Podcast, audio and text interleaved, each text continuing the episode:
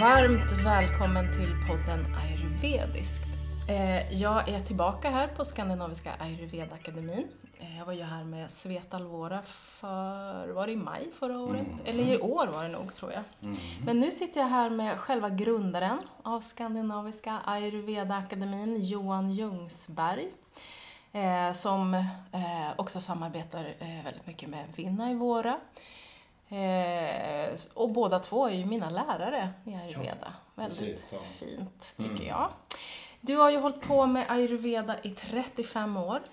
Och yoga och meditation eh, sedan 70-talet.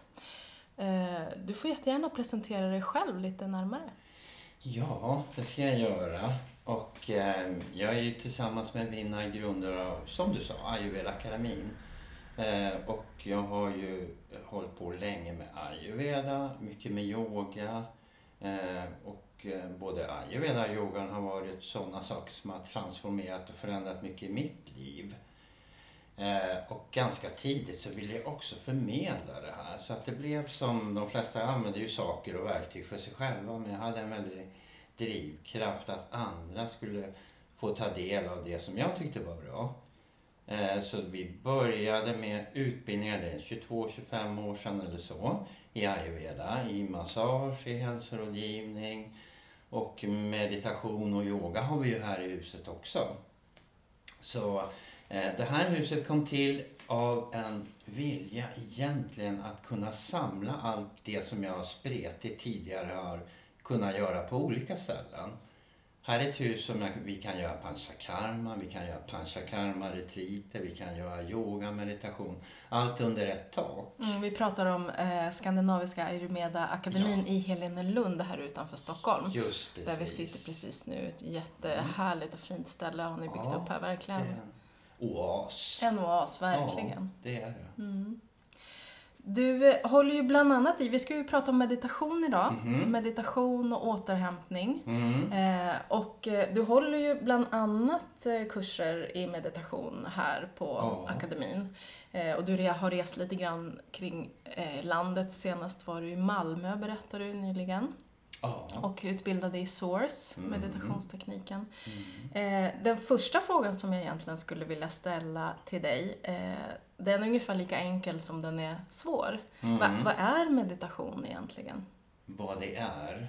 Ja, det var en svår fråga. Eh. För mig är det ju en sak medan för andra kan det ju vara någonting annat. Meditation är så vitt begrepp egentligen. Bara att vi släpper taget en liten dag kan ju vara meditation. Bara att jag går ut i skogen och går kan ju vara meditation. Eh, och det är bra. Eh, jag tror det är precis det vi behöver. Att få en liten stunds återhämtning på vilket sätt som passar oss egentligen. Som en cykeltur, skogspromenad, bara ligga ner på golvet på rygg och koppla av.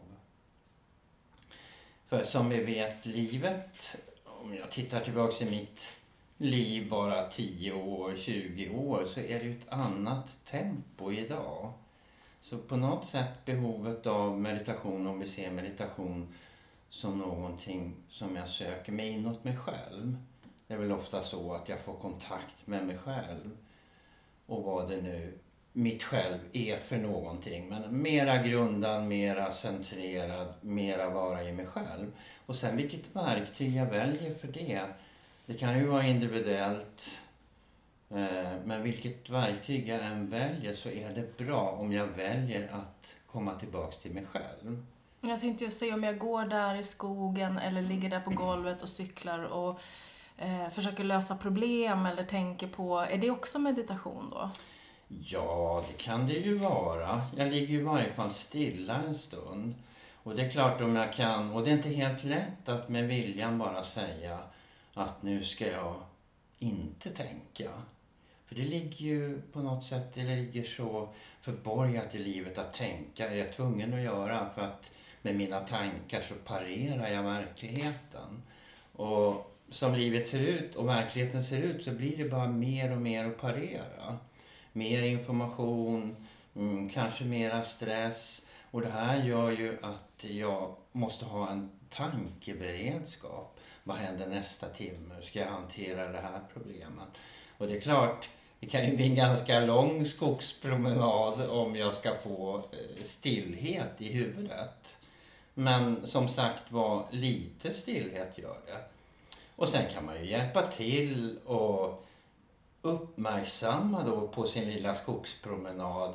Titta på mera att inte gå i intellektet och tankarna och mala, vilket är lätt hänt för oss alla.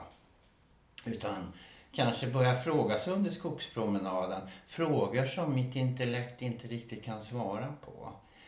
Eh, och jag brukar på mina skogspromenader ibland fråga mig, vem är det som ser? Och det här är en väldigt bra fråga. Vem är det som känner som skogsdoften? Vem är det?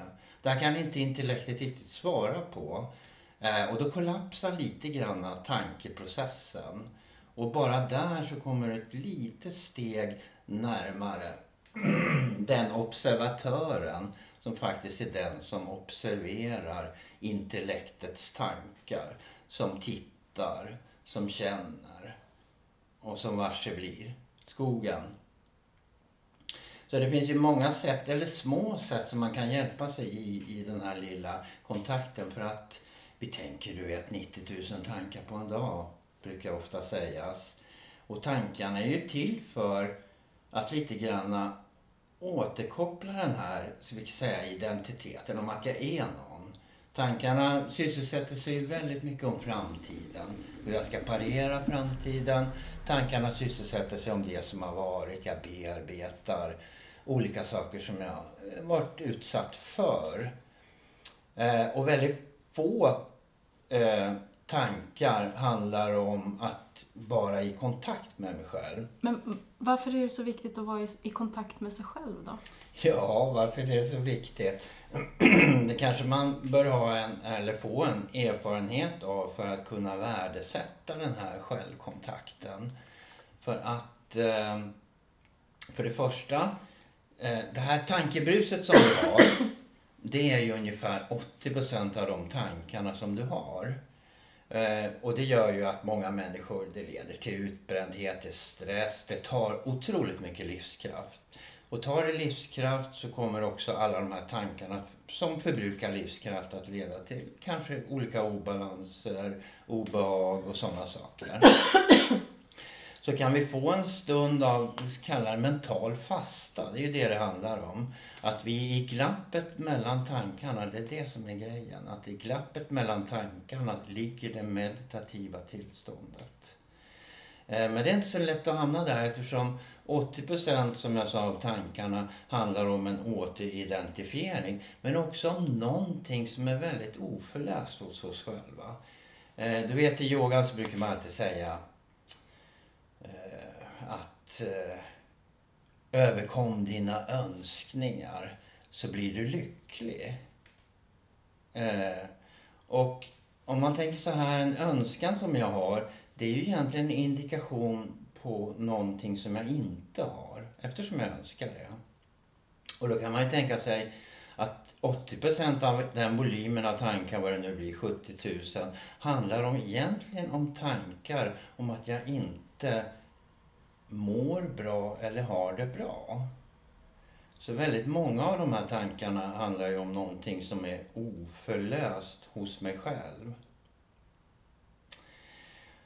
Och, Men vet man att det är så?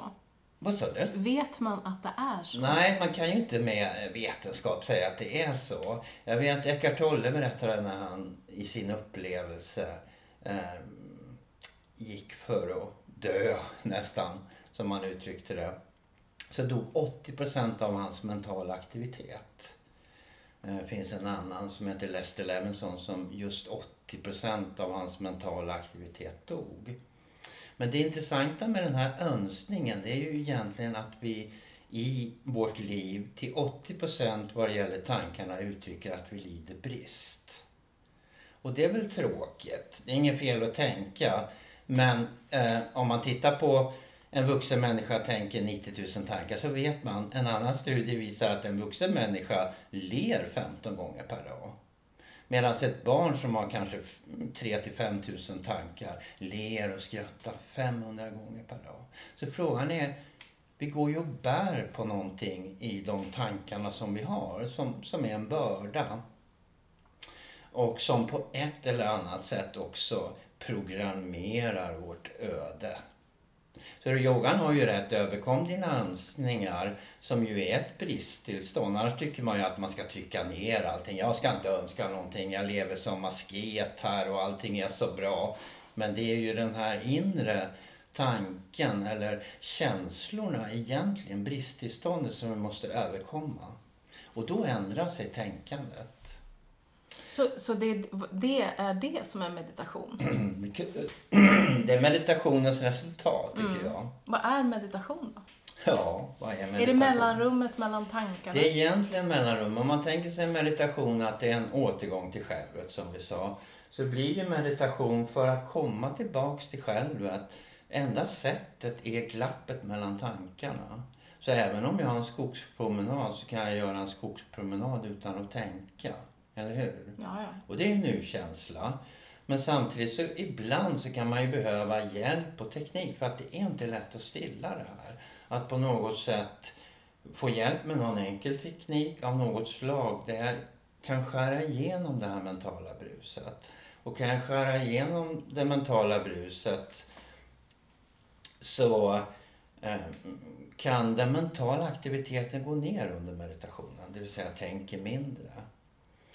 Och när intellektet upphör att existera, det kan ju låta skrämmande för någon som inte har erfarenheten, då upphör ju också tid och rum att existera. Och då får vi den här nu-känslan, här och nu. Och här och nu så existerar också evigheten. Så det ger oss ett så enormt vackert perspektiv på vad en människa är. Att börja upptäcka, vi säger själv att jag föredrar nästan att säga att vara i kontakt med livssidan hos oss själva. Att den här livssidan som ger upphov till mina tankar, till materiasidan, att vi får ett, en balans här emellan. Att vi upptäcker att vi är, oh, visst jag har en kropp, den åldras och förändras. Jag har ett liv som förändras. Jag har eh, en materiell verklighet där jag ska eh, ha karriär, kanske jag ska nå framgång, jag har ambitioner och så vidare och så vidare. Men bakom allt det här, förutsättningen för allt det här, en sida som vi aldrig pratar om, som vi aldrig egentligen är i kontakt. Och har jag bara varit där för bråkdelen av några sekunder så är det någonting som nästan kan förändra ens liv. Mm. Tycker jag. Vad, vad skulle du säga är den viktigaste effekten av meditation? Är det den kontakten? Den viktigaste effekten är bara gäller sinnet, den erfarenheten och utforskandet inom oss själva av en livssida som har ett slags, ska vi kalla det, inte tidsbundet, det är en slags evig verklighet. Eh, som inte är beroende av den fysiska kroppen, av tanken. Man säger ofta jag tänker, jag finns till. Eh, med meditationen kan man komma på att jo, jag finns ju till trots att jag inte tänker. Så just att jag kan vara medveten, vaken, klar och ha ett, eh, ett medvetande som inte genomsyras av massa tankar. Och, och genomsyras inte av massa tankar, då upplever jag att jag är obegränsad som väsen och varelse.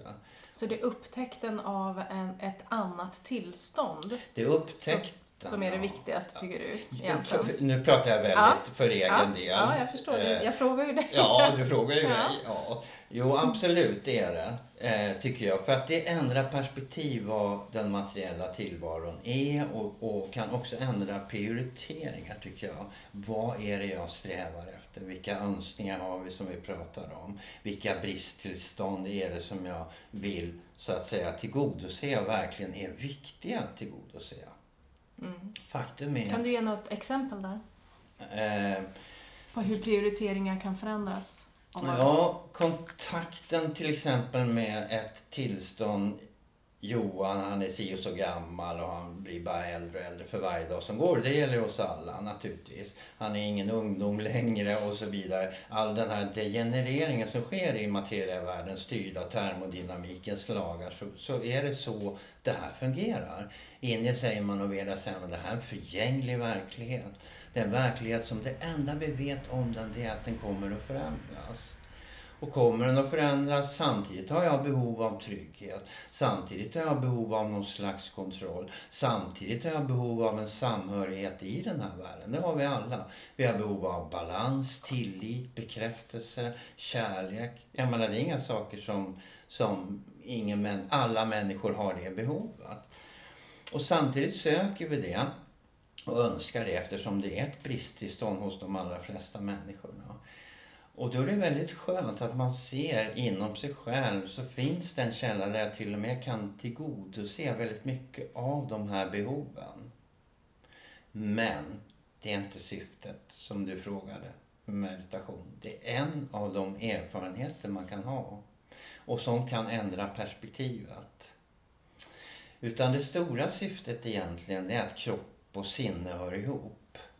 Eh, och när jag, om jag har en, använder mig av en an, mental teknik till exempel så sitter jag ner, jag blundar, jag gör någonting mentalt. Jag behöver inte ha några andra attribut eller någonting. Och tyst inom mig själv så gör jag en mental teknik som då vi pratade om kan i bästa fall skära genom den här mentala aktiviteten. Bruset, att det kan skära för ibland bara en kort stund men det kan skära genom bruset. Och det som händer då rent fysiologiskt, och där kan man ju se hur hjärnan fungerar. Att hjärnans elektriska aktivitet förändras vid meditation.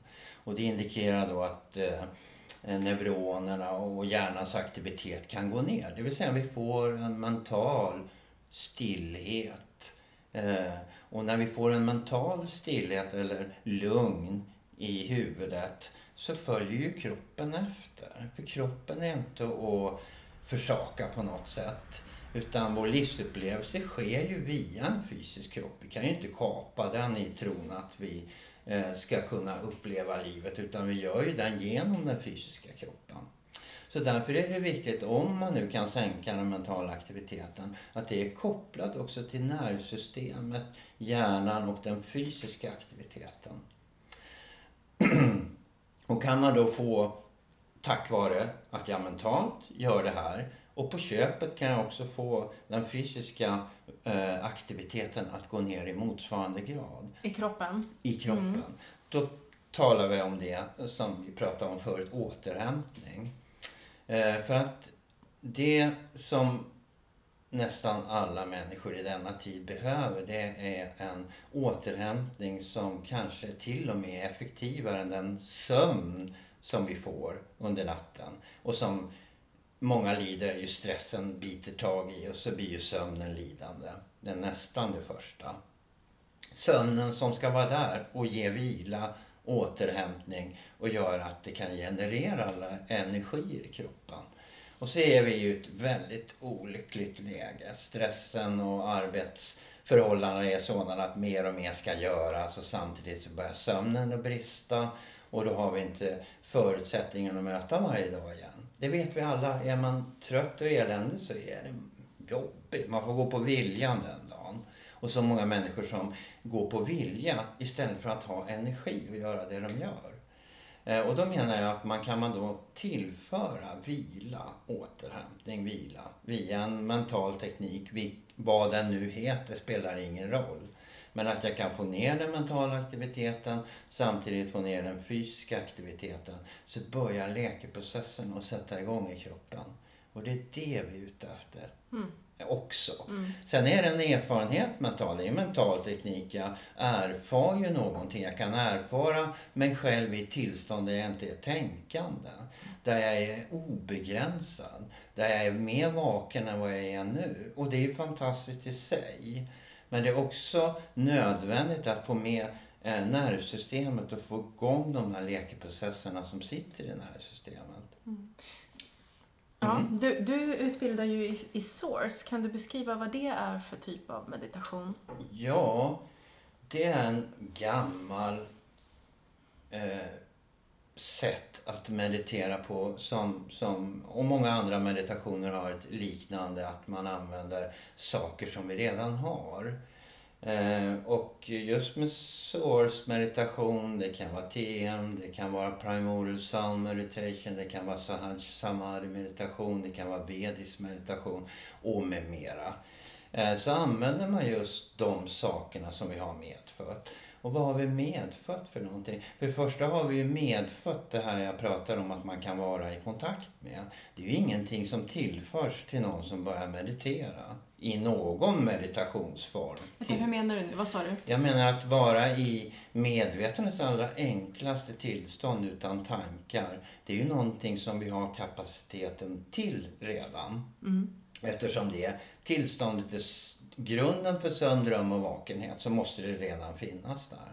Men sen har vi ju vissa saker som, som är medfödda också. Vi har ju ett nervsystem och en kropp naturligtvis. Och det är ju nervsystem och kroppen som mycket av våra begränsningar sitter.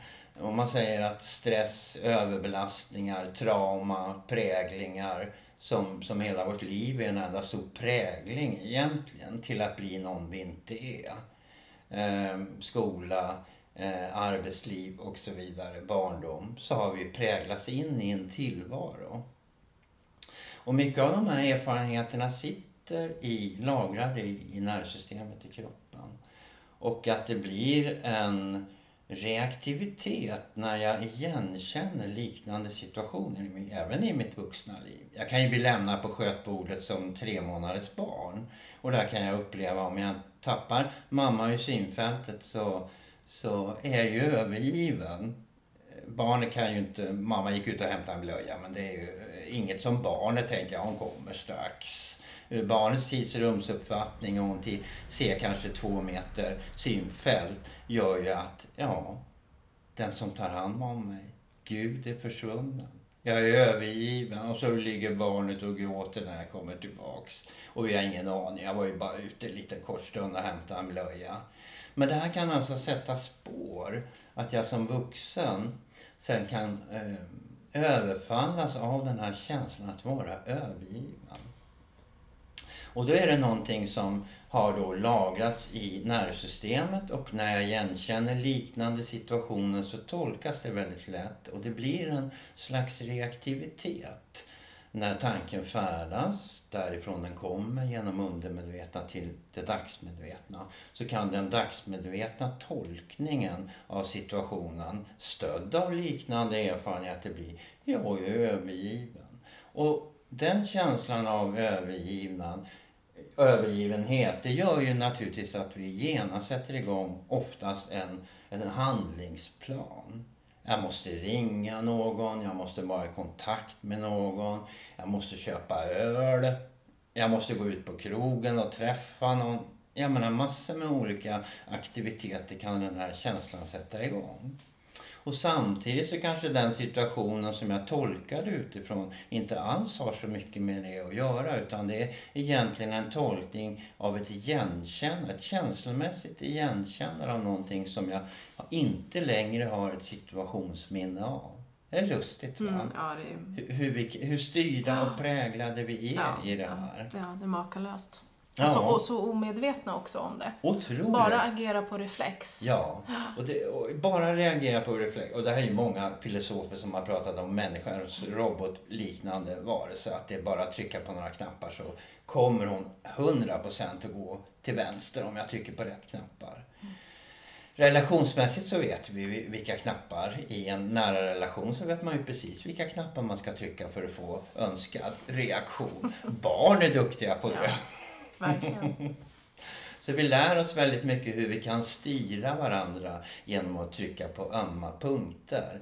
Där vi har ett tolkningsföreträde som gör att vi reagerar exakt på samma sätt varje gång. Mm. Så meditation handlar ju väldigt mycket då om sänkande mentala aktiviteter och kan vi dessutom få med ämnesomsättningen som kan sjunka så kan vi också ge nervsystemet en förutsättning att börja bearbeta de här gamla lagrade spänningarna, emotionella minnen. Allt det här som skapar fobier, reaktivitet, präglingar. Du vet om en lärare, som jag har haft många lärare som har sagt så mycket som man borde ju egentligen inte sitta här och prata överhuvudtaget. eh, till exempel, många vuxna har ju för sig att de inte kan sjunga, eller hur? Det är jättevanligt. Och jag tänkte själv när jag gick i skolan, vi hade en kantor, jag ska inte säga namnet, Kanto Sixten hette han. En äldre man, spelade tramporgel. Och när betygen skulle sättas då i tredje, fjärde klass eller vad det var. Så fick man ju ställa sig upp, ta fram sångboken och så fick man börja sjunga. Och Sixten han var inte nådig, men man fick äh, sällan eller aldrig sjunga klart. Utan efter en mening så sa han nej, nej, nej, sitt. Och då förstod man, sjunga, ja det kan ju i varje fall inte jag. Gud vad hemskt. Jag har en liknande, liknande erfarenhet. Hon hette Marianne. Man Ja. fick sjunga och så bara säga ja det var B-kören. Ja visst, då, då blir den här liksom katalogiseringen vad man kan och inte, bedömningen. Och det är väldigt lätt till en prägling. Så sen när man är vuxen, nej jag kan inte sjunga säger många. Och det är inte sällan man har ett sånt traumatiserat minne av någon som har bedömt. Du kan inte måla, du kan inte dansa, du kan inte sjunga, du är inte bra på det. Så vi har ju väldigt mycket eh, prägling som, som egentligen inte har någonting med vem vi är att göra. Och det tycker jag är tragiskt. Att komma ur den här boxen av vem jag är. Jo, visst fan kan jag sjunga. Klart alla kan sjunga. Alla kan måla och rita. Eh, det är ju bara att sätta igång handen och rita någonting. Och sen om kamelen inte liknar en kamel, vad spelar det för roll? Vi har ju surrealism inom konsten. Men du, Source, om vi ska gå Ja, tillbaka dit. just det. Vad, vad, kan, du, vi skulle prata lite grann om hur den går till, tänkte jag. Ja. Mm. Vad, vad vi använder för teknik och så. Ja, just det. Vi har ju inte svarat på det. Vi har inte kommit så långt. Nej. Så det drabbar kroppen i och med att det drabbar den mentala aktiviteten. Och sen så under meditation, vad var frågan? Eh, eh, frågan var eh, om du kunde beskriva vad Ja. Source är för slags meditation. Och då Ja. tänker jag liksom hur det går till. Hur, Ja, lite just grann. det. Vi var inne lite tidigare på Mm. att vi hade förutsättningarna för att meditera med Mm. en lång rad, ska vi kalla det, ansträngningslösa meditationer som inte kräver koncentration eller kontemplation. Eh, och, och vad hade vi? Jo, vi hade just det här medvetandet, som, eller observatören, som inte behöver några tankar för att finnas till. Vi har en kropp, ett nervsystem. Så långt kom vi va? Ja. Och så har vi då när det gäller det mentala, hur kan vi skära genom den mentala aktiviteten? För det är en intressant tanke och har man provat med viljan och mota tankar i grinden så vet man hur svårt det är. Eller hur? Ja, ja, det är verkligen. fan inte lätt. Nej, det är hopplöst. Hopplöst, det var det. Och där är ju många som faller i meditationen att jag har så mycket tankar. Exakt. Så det går inte. Jag kan inte meditera. Kan det blir inte. aldrig tyst. Nej, det blir aldrig Mm. tyst. Och nu kan jag säga att det är inget speciellt syfte till det, eh, att det ska bli tyst. Det kan bli tyst. Men den tredje komponenten som är så viktig, det är att vi har en uppmärksamhet som fungerar på ett alldeles speciellt sätt. Det vill säga sinnet, om vi nu ser sinnet som vår uppmärksamhet. Så fungerar vårt sinne eller vår uppmärksamhet så att, och som flesta människor för att inte säga alla, att det vill alltid gå mot någonting som är mer. Om jag ser mitt sinne, eh, att jag lägger min uppmärksamhet på saker som kan ge mig mer information, att jag lägger det på att få mer kunskap eller kanske mer materiell framgång så kan man ändå se en tendens hos sinnet att det, det hela tiden vill ha mer av någonting. Så det, i Veda beskriver man ofta sinnets natur, att det fungerar på det sättet. Och i meditationsförloppet egentligen så riktar vi uppmärksamheten inåt, vi sluter ögonen. Och sen är det så att om jag ska gå mot mer in i mig själv så finns en, en enorm magnet för uppmärksamheten som kan tillgodose detta mer. Vi har ju alltid letat utanför oss själva. Man ska läsa en bok, man ska ha ett nytt jobb, man ska ha bättre lön eller vad det nu är för någonting. Eh, men här riktar vi uppmärksamheten inåt och det visar sig att man kan lära sig att följa en tankeprocess inåt. Att en tanke, och det här tycker jag är en annan stor sak i meditation, om man så upplever det en gång, för det är inte så många som vet, att en tanke har ett utvecklingsförlopp. Det är inte många. De säger, ja men det plingar ju bara till och så gör man någonting. Men att man kan följa tanken tillbaks, att den kan bli subtilare, den kan bli finare, finare, finare, tills tanken är borta.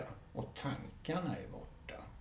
Och då är man ju i det som sinnet attraheras enormt mycket av. Att sinnet attraheras dels av en finare nivå av en tanke, för den innehåller mera charm, mera attraktion för uppmärksamheten.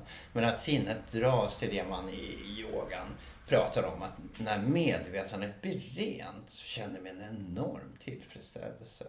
Sinnet får en enorm tillfredsställelse. Du vet med sinnet om jag eh, uppmärksammar i tanken då att jag letar efter bilar, en ny bil till exempel. Det är ju roligt att leta en ny bil. Och just när man letar eh, så, så har jag ju alla möjligheter inom den prisnivå som jag kan köpa en bil. Men jag kan ha en ja, Volvo, jag kan ha en Folkvagn, vad, vad det nu heter, bilarna för någonting. Men så fort jag har valt någonting, det vill säga när jag har valt någonting så har jag uteslutit allt annat. Och då är jag begränsad och hålla mig till den. Och alla andra bilar är uteslutna.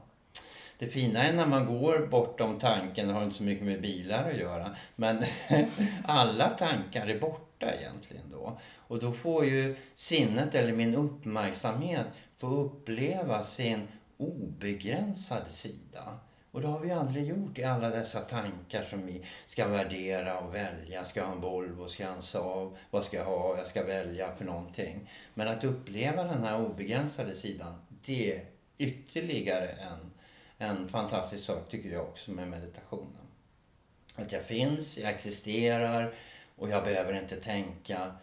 Och för sinnes del, som söker sig inåt, så motiveras det av att det här är absolut magnet för min uppmärksamhet. Att komma dit.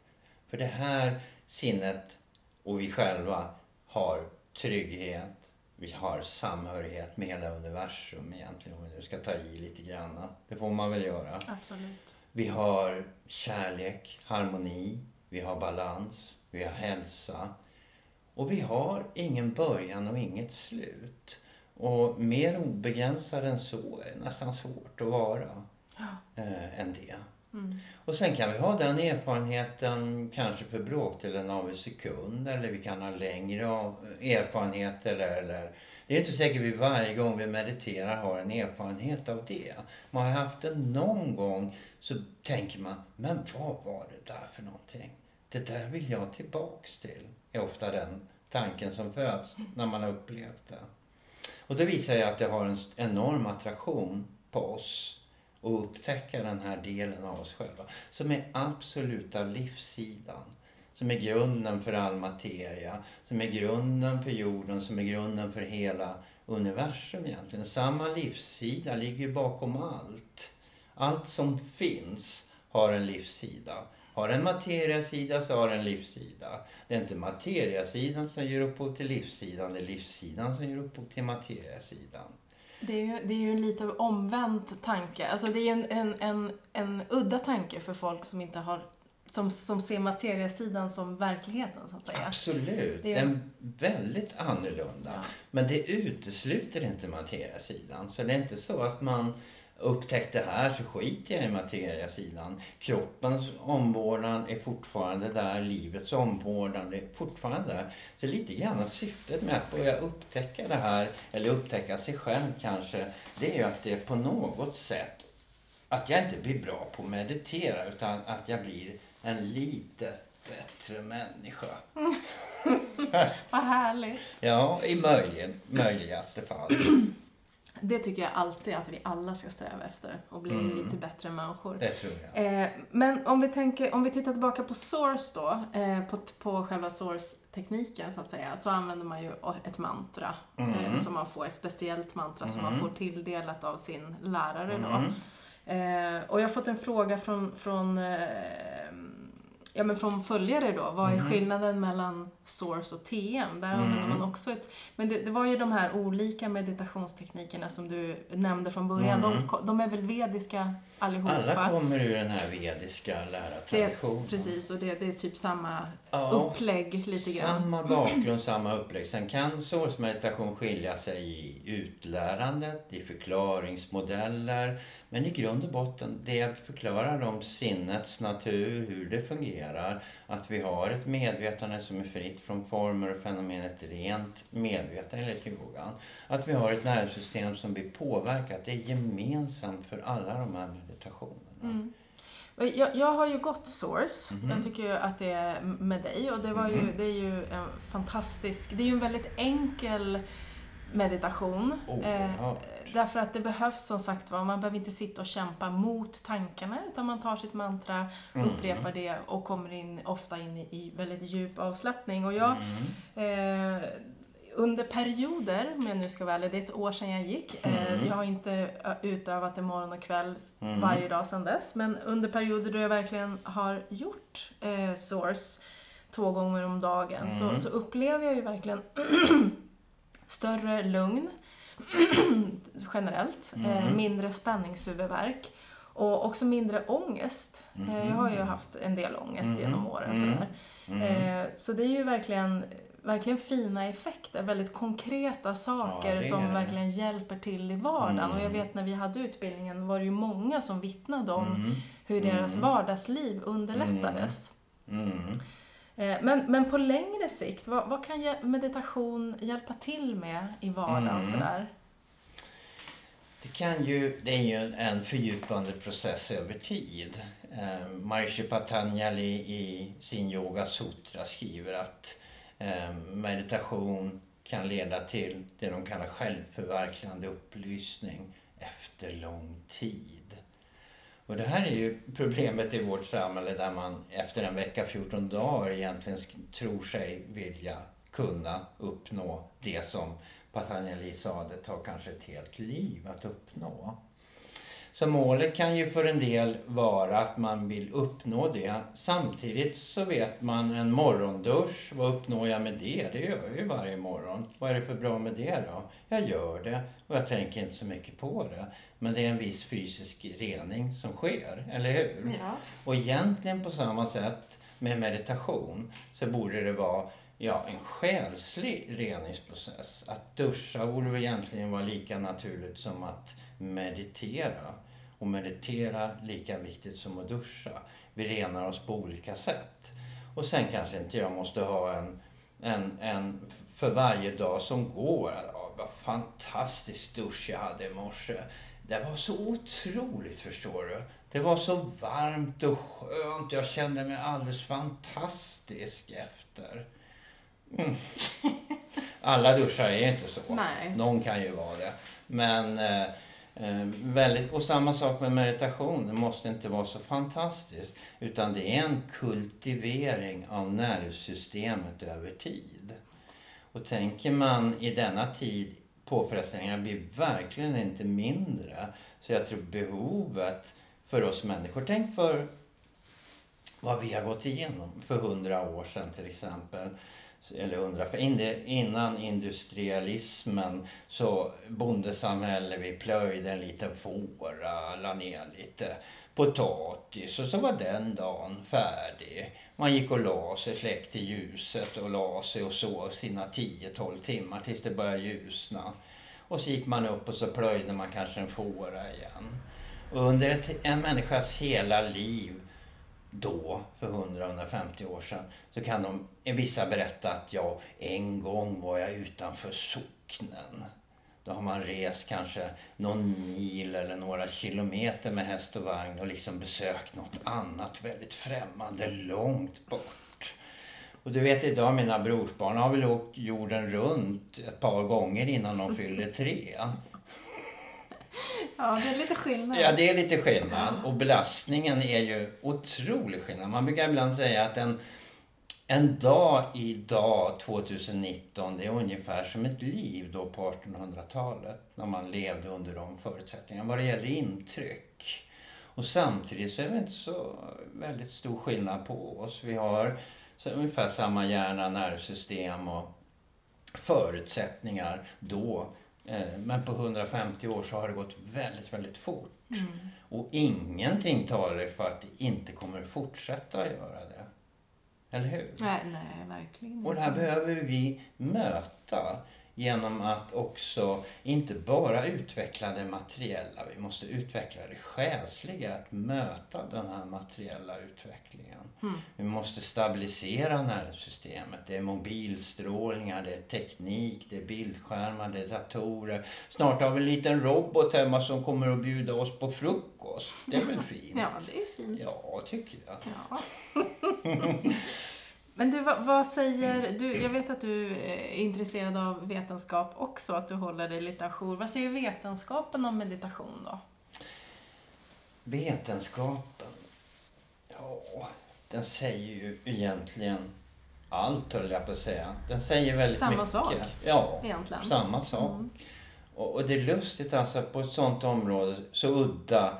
Du vet i Österlandet så var man inte så noga med vetenskap. För den var, eh, upplevelsen var en subjektiv vetenskap. Där jag i mig själv upplevde och såg hur livet och naturen fungerade. Medan vi är så objektivt orienterade här att allting måste kunna mätas och beräknas utanför mig själv för att det ska vara vetenskap.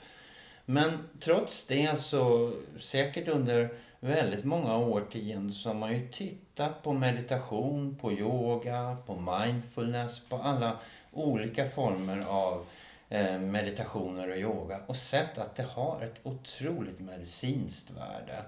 Att det här med nervsystem och hjärna är saker som faktiskt påverkas. Att vi i meditation kan hamna i ett djupare vilotillstånd än under djupaste sömn. Det kan man ju faktiskt mäta. Jag kan ju uppleva att det är det eller uppleva att det inte är det. Men om jag mäter så upplever jag att det jag inte trodde att jag var så djup faktiskt var djupare än under djupaste sömn. Det är lurigt. Ja, men det där funderar jag över. För att mm. jag tycker att eh, mediterar ju en del och jag tycker mm. att det är oftare tankar där än ja, inte. Fast det, det. fast det är ganska regelbunden meditation. Ja. Det, det, är liksom, det är som mm. att och är det fortfarande vilsamt, fast det är en massa tankar? Det är det som är så lustigt. Att det visar sig att efter tio minuter, trots att det upplevs som väldigt mycket mental aktivitet fortfarande, vilket har sina naturliga orsaker, eh, så, så kan ändå ämnesomsättningen gå ner, att den är, ligger un, djupare än under djupaste sömn. Att det frisätter väldigt mycket aktivitet, det har med de här fysiska läkeprocesserna att göra. Så det är inget som man behöver motarbeta på något sätt. De fysiska läkeprocesserna måste, det är det som vi har nytta av. Du vet, man kan ibland sitta i en kaotisk meditation. Men när man kommer ut ur meditationen så märker man att det inte är kaos. Eh, att jag känner mig otroligt lugn även av en meditation som i själva meditationsförloppet var kaotiskt. Så det är syftet med meditation är inte att bli bra på att meditera. Om man då menar bra på att meditera, att uppleva det här rena medvetandet, att jag blir mer och mer befriad från tankar. Det är inte syftet. Utan det är mer att kultivera ett nervsystem som kan hantera aktiviteten när jag inte mediterar. Men vi pratade ju om kontakten inåt och med själen och vårt, vårt, kanske vårt, vårt själv med stort S och oändligheten, universum. Den finns ju väl inte där när tankarna är där? Nej, den finns inte där utan den finns ju mellan de här tankarna. Och eh, en människas kondition vad det gäller nervsystemet avgör hur länge jag kan vara i det här tillståndet. För du vet, när jag går bortom allting, om jag går bortom tankarna, så hamnar eh, nervsystemet i en otroligt djup vila. Ehm, om du känner igen, man behöver inte andas, det vill säga kroppen behöver inte syre, behöver inte energi längre. För kropp och celler har fått börja fasta. Och de har fått vila. Och tänk dig på cellnivå. Om cellerna, men herregud Johan, tänker cellen, det här var skönt. Och dess tidsuppfattning så sitter jag och mediterar 5-10 minuter, kanske det tusenåriga riket för cellen. Vi var så lugnt, det var så skönt. Och koldioxid bildas inte heller i blodbanorna vilket då tyder på att jag, om jag håller andan så ökar ju koldioxidmängden. Men så här minskar behovet av energi i form av syre och samtidigt som ökar inte koldioxidutsöndringen vilket tyder på att cellerna kan börja vila väldigt djupt. Och det händer även om vi upplever att vi har väldigt mycket tankar. Och tankarna har ju ett syfte som jag sa förut att det är ju eh, en, en, en kvitto på eller visa på att det pågår en läkeprocess. Läkeprocesser i kroppen, eh, dels om nervsystemet kommer ner i vila så får det, åh, cellen mår toppen här, åh vad härligt, vad skönt liksom vi kan ta det lugnt och vi kan koppla av, vi är så glada i det här tillståndet. Men samtidigt när den vilan inträder så kan det också vara så på nervsystemets eh, nivå att det vill börja läka saker. Så lika spontant som att sinnet vill söka sig mot den här expansionen, lika naturligt och spontant kan det då vara för att nervsystemet vill sätta igång läkeprocesser. Det sker ju när vi sover. Det är bara det att sömnkvaliteten är ju inte sådan på grund av belastningarna att vi kan komma ner i ett tillstånd där vi verkligen kan läka allting. Så att lägga till lite meditation kan nog lägga till lite kvalitativ vila som kan börja läka de här djupare sakerna. Gammal trötthet, spänningar, blockeringar. Men, men, men då säger du indirekt att vi behöver kom, egentligen komma förbi de här det är därför det kan ta en livstid att, få, att komma till upplysning då. Ja, för att, precis. För att vi har tankar och tankar och tankar. Alltså att, mm. att ju, de, de är i vägen för, för en kontakt med själen. Ja, det är de. Samtidigt som man eh, under vissa förutsättningar ibland kan komma i väldigt stark kontakt. Eh, trots att jag i perioder, det här varierar ju från dag till dag, från vecka till vecka. Ibland har man skräpmeditationer som man subjektivt värderar det som, vilket det inte alls är. Där det är väldigt, väldigt mycket aktivitet och jag upplever subjektivt, jag har ingen vila. Eh, och så kommer jag in efter ett tag. Om jag går igenom de här perioderna där många tycker att nej, det är ingen mening att meditera, jag bara tittar och tänker samma saker som jag alltid tänker. Så ger man upp istället för att eh, ta tjuren vid hornen, gå igenom en sån period och märka vad är det på andra sidan. Men många ger sig inte den tiden. Men, men kan man ha en upplevelse av själen och självet um, i en tid, ja, om man säger att jag börjar meditera nu, mm. skulle jag kunna ha en sån upplevelse hur lång tid?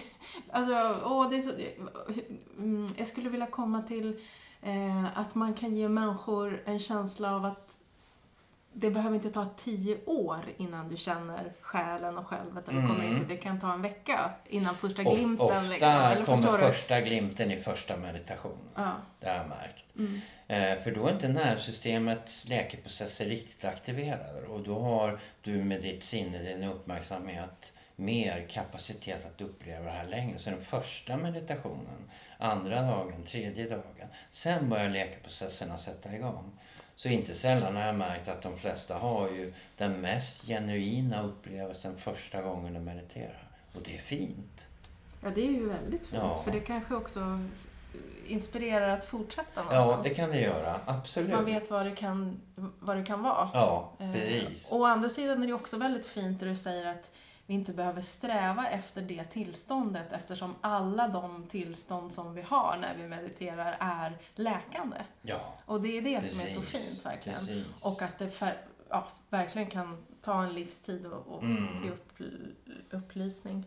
Men, men det finns ju en mängd olika slags meditationer. Det finns äh, mantra-meditationer, det finns mindfulness, vipassana gående meditationer. Mm. Finns det några mer typer av meditationer? Ja, det finns ju jättemycket eh, olika typer av meditationer. Om man tittar ur ett vediskt perspektiv och inte bara eh, ja, inte värderar utifrån att någonting är bättre eller sämre så, så används ju meditation i väldigt olika syften. Um, en sjungande av mantra eller japa meditation till exempel eh, skulle kunna eh, i många fall vara till för att hålla sig vaken när man satt i templet. Att man hade någon aktivitet, någon uppmärksamhet. Man måste koncentrera sig för att kunna göra de bestyren man ska göra i templet, kanske under hela natten i vissa fall. Och andra meditationer kan ju appellera också till olika människor beroende på att eh, eh, vi har olika saker vi söker oss till det. Jag menar man kan ju bli, eh, om man dras till det så, så Hare Krishnas leverne eller Oshos med alla röda kläder skapar en samhörighet. Säkert djupa erfarenheter också, men det kan ju vara attribut som blir viktiga. För det andra så ska man åka iväg på Vipassana när man ska sitta 12-14 timmar per dag och meditera som man gör i 10 dagar eller mer. Och sen så ska man göra en timme morgon och eftermiddag. Allt är bra.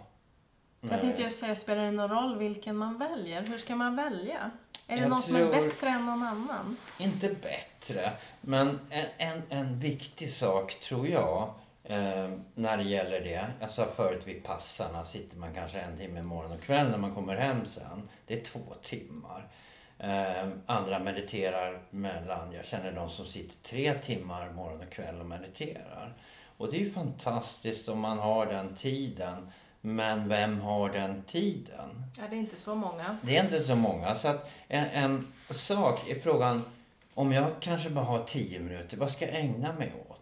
Vad hinner jag göra på tio minuter för att skapa ett avtryck i min egen aktivitet? Och framförallt i förändring av mitt eget nervsystem. Och då får man väl titta på det och prova.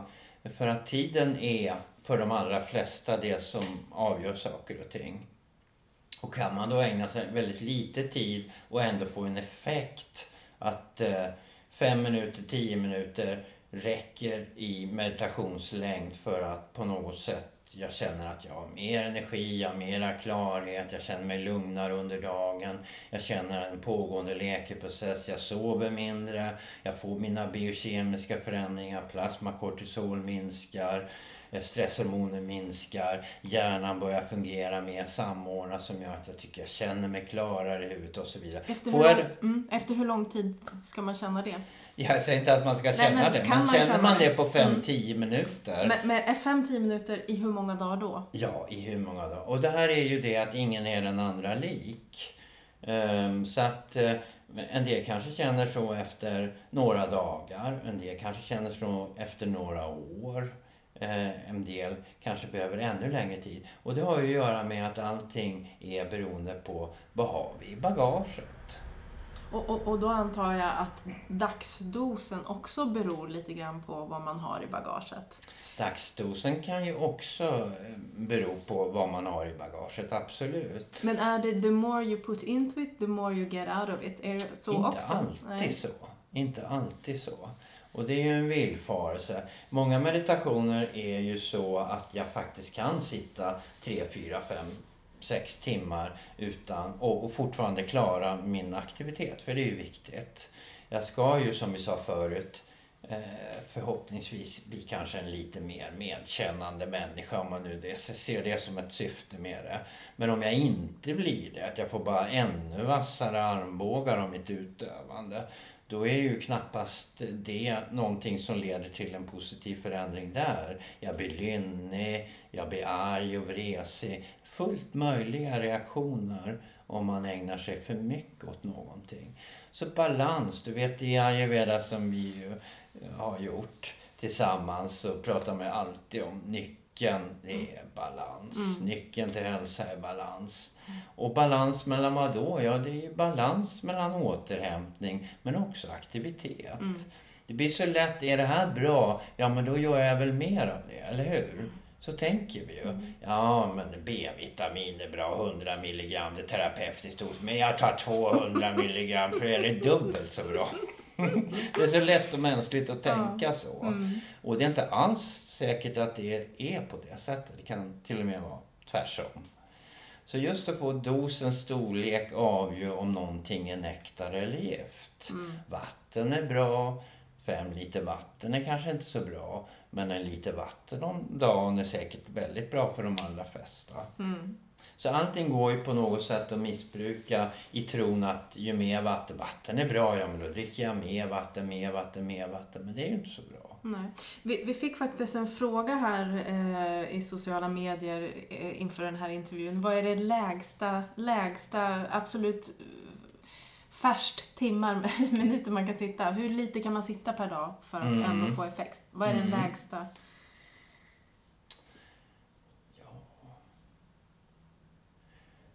Jag minns vi hade en från Karolinska stressmottagningen här som hävdar att en människa har, hävdade han, har bara sju minuter egen tid varje dag. Sju Ja, det minuter? tänkte jag också. Sju minuter, nej men det kan väl inte stämma. Nej, man hävdar att de hade sett att sju minuters egen tid, herregud, tänkte jag. Så eh, då är det ju inte mycket. Och han lärde sig att meditera, fast betydligt längre än sju minuter. Eh, och eh, det lägsta man kan meditera, det är också, om jag tar på egen erfarenhet, så tycker jag att fem minuters meditation är bättre än inte alls. Att för mig kan det vända bladet på bara fem minuter. Mm. Eh, att det kan ta en från att, ja, jobbigt under dagen, känner mig lite trött eh, och så vidare. Så sätter jag mig fem minuter och så är det som att starta dagen på, på nytt. Mm. Eh, och då kan man säga, då är fem minuter väldigt bra. Mm. Och eh, eh, lägga ner på meditation. Men som sagt var, någonstans mellan 5, 10, 15 beroende på hur det ser ut, livet. Men om man bara har fem minuter så ska man inte tänka att det är för lite, jag Nej. skiter i det. Har jag tre minuter så är det tre minuter som gäller. Mm. Så att det är just det här att skapa en vana för sinnet att gå tillbaks till sig själv. Det är just att kultivera en Mm. vana. Och du vet allting som vi kultiverar kräver ju upprepning för att det ska kultiveras. Det är som en muskel som måste tränas. Ja, det är som en muskel. Precis. Jag måste ju fasen träna för att få kondition och muskler. Och det räcker ju inte att läsa om det. Och det räcker inte att göra det någon gång då och då i månaden. Utan jag måste ju ha en, en regelbundenhet i det. Så vet vi hur det fungerar. Och nästan samma princip här. Att eh, kultivera vana för sinnet att börja erfara sig själv i sitt allra enklaste, minst tillkrånglade tillstånd. Mm. Du, vi, hur, om, man, om någon lyssnare här nu är helt ny till meditation, Ja. vad, hur kan man komma igång? Har du några bra tips till någon som vill komma igång med meditation? Vad är det viktigaste att tänka på? Det viktigaste att tänka på är att få avsätta en slags regelbundenhet till att sätta en ny rutin. Om den så är för fem minuter så är det viktigt att skapa utrymme när man börjar. Annars blir det en gång. Samma Eh, tid, tänker du? Samma, mm. samma tid varje dag? Samma plats varje Ja, dag? Eller hur tänker Om du? det är möjligt, om det är praktiskt möjligt, så samma tid, samma plats, eh, regelbundet från dag till dag. Och bara att lägga sig ner och observera kroppen skulle ju om jag nu eh, på egen hand så att säga skulle göra en meditation. Det som yogan ofta gör, att man går igenom kroppen, att man ger uppmärksamheten till kroppen. För det ger vi väldigt sällan. Vi är knoppen och, och framåt. Men kroppen får sällan ta del av den uppmärksamheten om vi inte har väldigt ont någonstans förstås. Vi uppmärksammar fötterna, knäna, låren, magen, hjärtat, halsen, ansikte, händer och så vidare. Och bara vila uppmärksamheten där utan att ha någon speciell åsikt om det. Fem minuter är en form av meditation. Om man ska lära sig en mer, ska vi kalla systematiserad form, så är det många av de här formerna vi nämnde förut, så behöver man en slags personlig instruktion i det hela. Eh, och, och det har att göra med många olika saker. Eh, att man Eh, behöver aktivera och lära sig någonting på ett väldigt systematiserat sätt. För att det sätter igång väldigt mycket erfarenheter. Och jag tror det är bra att då ha någon att kunna bolla Eh, och inte leta i en bok efter vilka erfarenheter, nu känner jag det här, vem ska jag ringa, vem ska jag höra med? Utan man kan få verifierat eh, de upplevelser jag har av någon som har erfarenhet av det. Så jag tror det är en väldig fördel. Eh, att man kan gå och lära sig en form av eh, meditation. Men man kan också eh, börja att experimentera och ett sätt är det jag nämnde genom att känna av kroppen. Eh, men göra det till en regelbunden vana och sen utvärdera över tid kan man ju få göra efter några månader. Är det här någonting jag vill fortsätta med? En vanlig sak som, som man hör, eller som jag själv också upplever, det är att det kommer massa känslor. Eh, det, det, när man väl sätter sig och, och vänder uppmärksamheten inåt mm. så, så kommer ju de här känslorna som man kanske inte riktigt har släppt ut i vardagen eller mm. det har hänt mm. grejer eller, eh, och så. Va, vad ska man göra med dem? Vad, vad ska man göra med de här känslorna? Mm. När de kommer. Man sitter där och... Det är ju ganska naturligt om, om vi har gått eh, under lång tid. Och eh, för oss alla så är det inte alltid passande att släppa ut om man säger så. Så hur jag känner mig, hur jag mår och så vidare. Det vill man kanske inte älta varje dag på jobbet.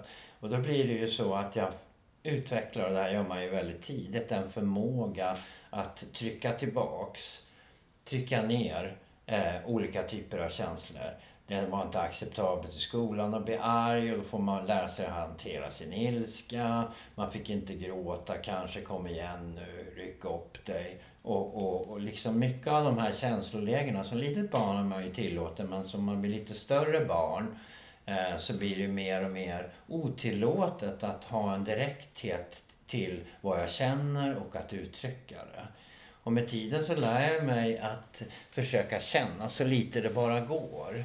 Och det här är ju det största misstaget vi gör i hela vårt liv egentligen.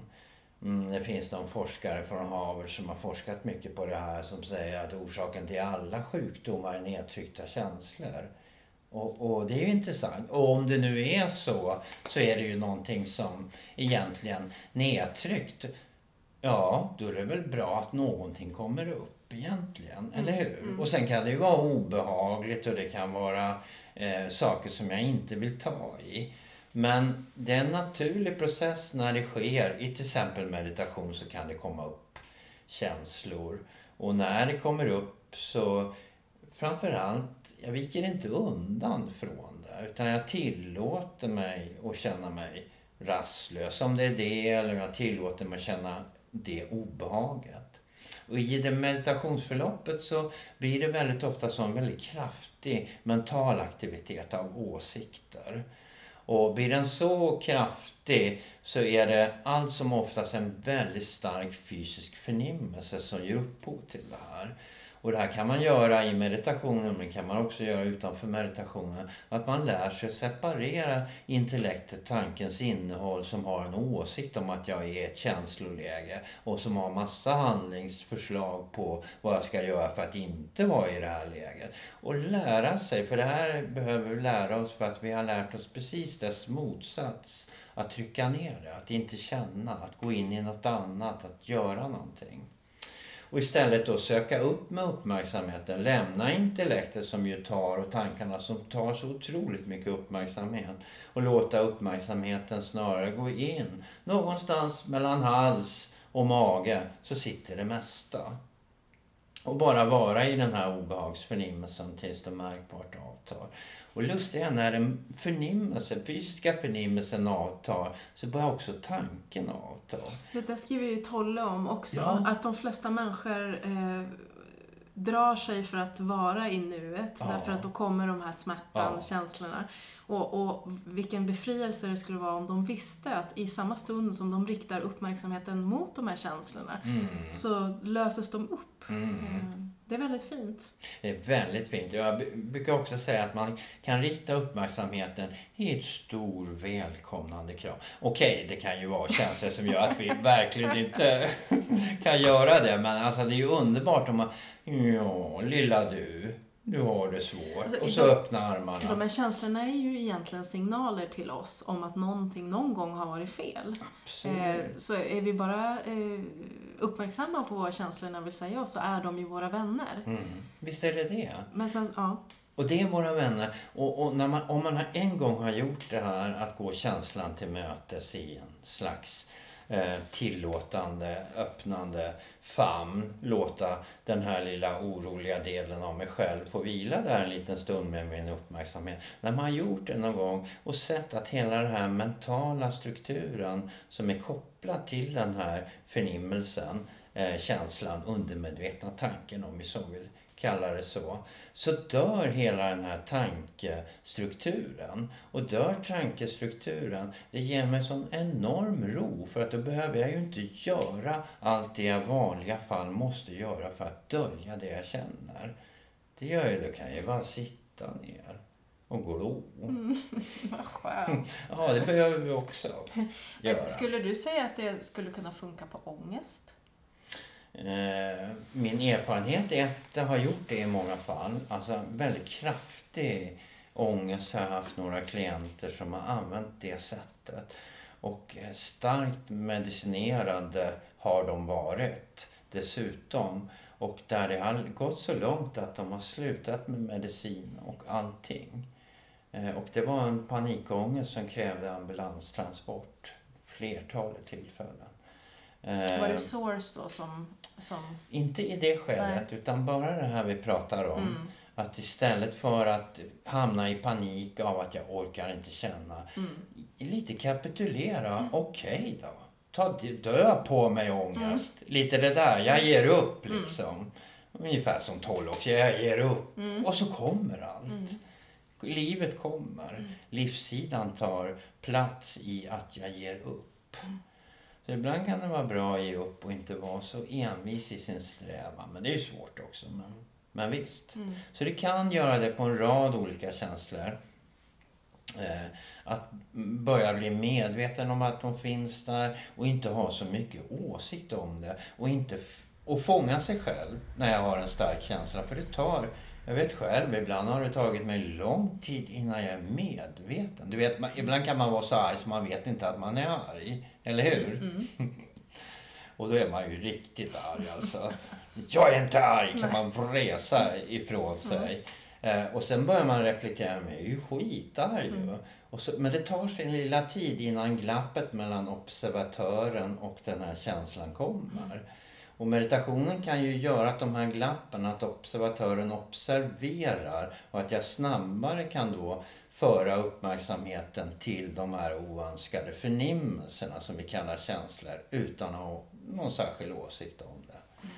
Eh, Men det gäller att fånga sig och ibland är det svårt att fånga sig. Så att det är så. Och detsamma gäller väl rastlösheten antar jag, för den kommer ju också krypandes när man Ja. sätter sig. Det är också en känsla. Ja, Eh, det är det. Och då sitter vi bara igenom den eller ligger eller vad vi nu gör. ja precis. Så samma sätt där, välkomna rastlösheten.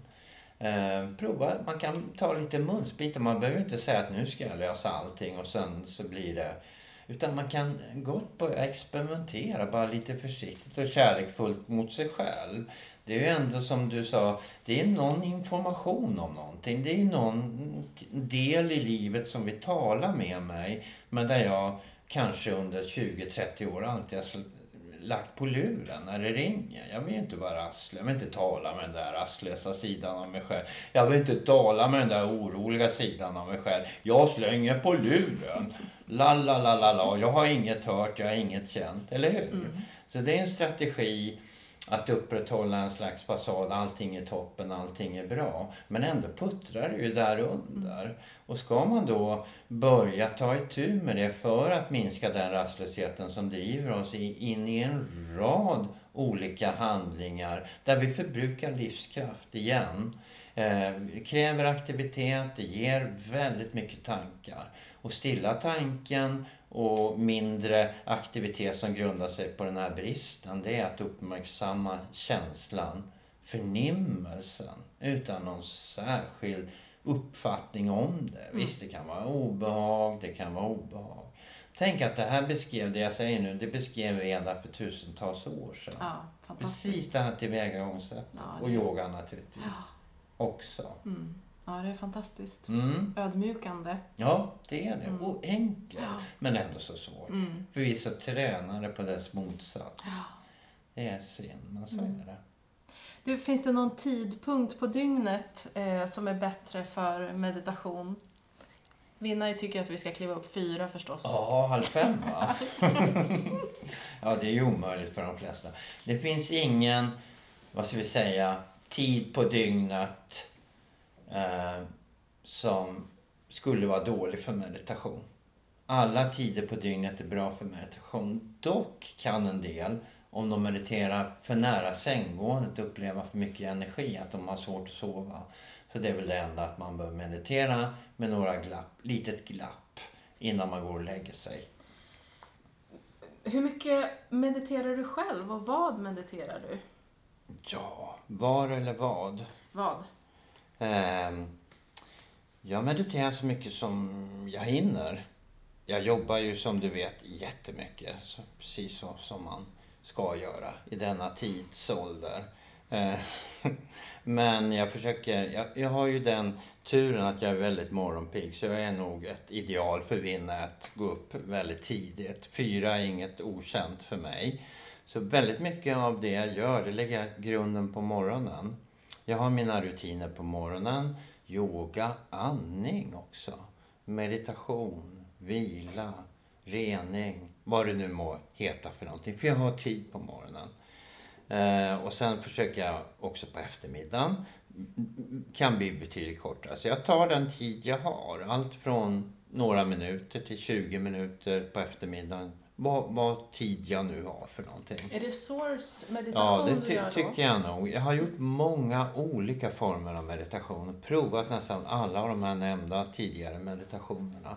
Eh, och eh, även annan meditation naturligtvis, mer dynamisk meditation och vad det är. Allting har sitt berättigande om jag säger så. Och allting i ens liv kan också göra att en viss form av meditation kan i en tidsperiod i ens liv eh, kännas att det här behöver jag. Jag behöver ha ett utlopp i en dynamisk meditation eller vad det nu är. Men annars är det en stilla eh, source-meditation som med det jag behöver lägga ner minst tid på för att få resultat, tycker jag. Mm. Vad, vad, när lärde du dig source? Jag lärde mig, jag har ju lärt mig eh, en gång TM, SAD, Samadhi, Primordial Sound och så vidare. Så utifrån alla de här, men det är ifrån Indien som jag har lärt mig väldigt mycket. Naturligtvis. Källan är ju där Mm. i det hela. Va, hur har meditation hjälpt dig genom livet? Du säger att du har mediterat och Ja. yogat sedan 70-talet. Ja. Väldigt många år. Det är en jättesvår fråga egentligen. Eftersom det är så många år så vet man ju inte vad som hade hänt som alla säger om man inte hade gjort det. Jag hade kanske varit en bättre människa. man har ju ingen aning. Eh, Men samtidigt, det jag kan säga som var eh, för mig den stora saken, det hände egentligen inom 14 dagar när jag började meditera. Och det är nästan det jag började med när vi började prata med varann. Att jag upplevde just de här sakerna. En sida av mig själv som jag inte trodde fanns. Jag var väldigt engagerad i miljön när jag var 20-årsåldern. Och sen så tyckte jag det var ingen gehör för det. Eh, och då är det lika bra att placera sig på krogen istället. Så det var ungefär där jag befann mig. Eh, desillusionerad 20-åring, skulle man kunna säga. Men meditation efter 14 dagar väckte det, det här intresset som förmodligen fanns latent för filosofi, för all del religion, för att veta mer om den här livssidan, eh, rent medvetande, erfarenheten av det, men också läsa om det. Så det öppnade upp enormt mycket på kort tid. Vad var det som gjorde att du började? Du var desillusionerad och hängde på krogen. Ja, precis. Det var ju omgivningen. Så att det var ju omgivning som, som hade erfarenheter av meditation. Vänner, bekanta, min bror och så vidare. Och din bror är Peter Ljungsberg. Min bror är Peter. Precis, som var med i första avsnittet av podden. Ja, just det. Så att det blev i en miljö liksom av yoga, meditation, av sådana saker. Ja visst, det kan man väl prova då. Eh, väldigt skeptisk, måste jag säga att jag var. Eh, men märkte ju att det bet på. Och framförallt att det förändrade. Och att det, som sagt var, väckte ett intresse. Som från det kan jag säga, från de här första 14 dagarna så har jag nästan bestämt hela livet fram till nu. Wow. Eh, I och med att det väckte, öppnade någonting. Som, som har drivit mig hela livet faktiskt. Mm. Så så kan det ju också vara. Så jag kanske bara behövde meditera 14 dagar egentligen. Tänk all tid du kunde ha sparat det. Ja, visst. Jag kunde ha sparat massor med tid om jag hade insett det. Nej, det får vi väl tro att det har gjort någon, någon Ja, mer jo. nytta. Det är en daglig nytta i. Precis som vi sa, vi duschar, vi gör oss rena, vi gör tungan rent. Vi har ju massor med ayurvediska rutiner som man gör. Och det gör man utan någon större analys av det hela. Och så blir det ju naturligtvis, man gör yoga. Om man gör några yogaövningar behöver inte gå och tänka på det hela dagen. Har det gett någonting det här? Vad är det för någonting som det har gett? Och känner jag mig bättre eller någonting? Utan jag integrerar ju det i en slags rutin. Eh, och- det blir en vana. Och en, en, en bra vana. Så meditation är ju också en, en naturlig del av ayurveda. I sin högsta grad är det det. Eh, när det gäller ayurveda som ju är, som du vet, och, och alla kanske lyssnare vet också, det är ju kunskap om liv. Eh, och beskriver då liv ifrån eh, vagga till grav, men också livsupplevelser. Eh, och en av de absoluta hörnpelarna i ayurveda, det är ju faktiskt att komma i kontakt med livssidan. Varifrån allting styrs. Från medvetandekroppen som i sin tur lägger till grund för kausalkroppen med genetik och allting. Som i sin tur ligger till grund för subtilkroppen med vårt psyke. Som psyket som i sin tur ligger till grund för den fysiska kroppen. Och sen har vi den fysiska kroppen och den omgivning vi befinner oss i. Så det här är ju ayurveda och att då gå på den enda omständigheten som är oförgänglig. Att få en erfarenhet av att livet har en oförgänglig livssida. Det är hörnpelare. Det var en i den här meditationstraditionen också som hette Shankara. Han sa att den enda orsaken varför en människa åldras och dör, dör. Det lät konstigt. Ja. Dör. Jag, jag översätter för lyssnarna. Ja, du Dör. översätter, det är bra. Det är att, och så, så här, precis så här sa hon. Det är att hon ser...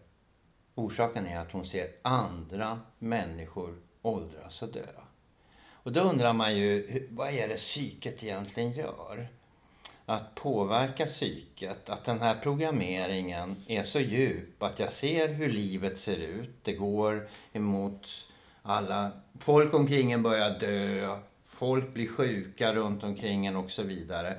Och att det här programmerar mig undermedvetet att det är den här vägen vi alla kommer att gå. Det kan vi ju inte bestrida på något sätt. Men frågan, du vet en studie som Chopra ibland pratar om, det är att man, och det här är jäkligt intressant, man flyttade åldringar tillbaks till sin eh, kraftsdagar i en, låt oss säga 50-talsmiljö.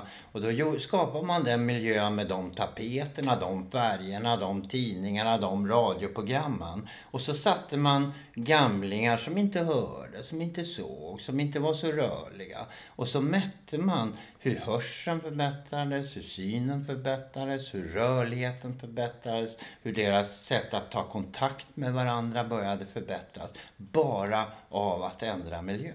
Wow. Är det inte häftigt? Jo, Inga mediciner, inga konstigheter. Utan man börjar identifiera sig i en tidsperiod mentalt och så börjar kroppen att anpassa sig Ja, efter wow. det. Det här är framtidens medicin. Verkligen. Ja, så det är klart det är viktigt det här med meditation i ayurveda. Mm. Det är en hörnpelare. Du, ehm, vi har kommit till den allra sista frågan faktiskt. Oj då. Ja, snabbt har gått. Ja, fort det Ja. Eh, jag brukar fråga alla, du har ju egentligen svarat lite grann på det här, men jag brukar fråga alla som jag intervjuar om de har någon eh, ayurvedisk morgon eller kvällsrutin som de kan dela med sig av. Mm. Så nu är vi lite nyfikna på om du har något. Du har berättat i och för sig då att du Ja, jag har ju min rutin på morgonen som startar ganska tidigt. Eh, och som följer väldigt mycket den Eh, rutinen som vi har. Jag, jag, måste nästan tänka efter, för du vet när man har gjort saker länge så vet man knappt hur det går till. Eh, det är inget särskilt egentligen mot det som jag redan har nämnt. Att jag ägnar yogan, jag äter en lätt, väldigt lätt frukost, dricker helst på förmiddagen, äter lunch mitt på dagen. Det är en av de sakerna som är otroligt viktig för mig. Det är att äta en varmlagad huvudmåltid mitt på dagen. Eh, som ett stöd eh, för balans och hälsa. Lägger mig tid, jag är väldigt tidig i säng. Om jag är tidigt upp så är jag också tidigt i säng ska sägas. Väldigt osocial egentligen. Ja, om det var något svar på din fråga, det vet jag då rakt inte. Jo, det får duga som ett svar. Ja. Men sen så tänker jag faktiskt att vi skulle hjälpa lyssnarna att hitta din fantastiskt fina Source meditationutbildning. Ja. Okej, men eh, så för att få veta lite grann när nästa Source-utbildning är, eller Source-kurs, så kan man helt enkelt Kolla på hemsidan ayurvedakademin.se. ayurvedaakademi.se. Mm. Det låter alldeles utmärkt Johan. Tusen tack för att jag fick Mm, komma tack och prata med dig. Jättefint. Tycker jag med.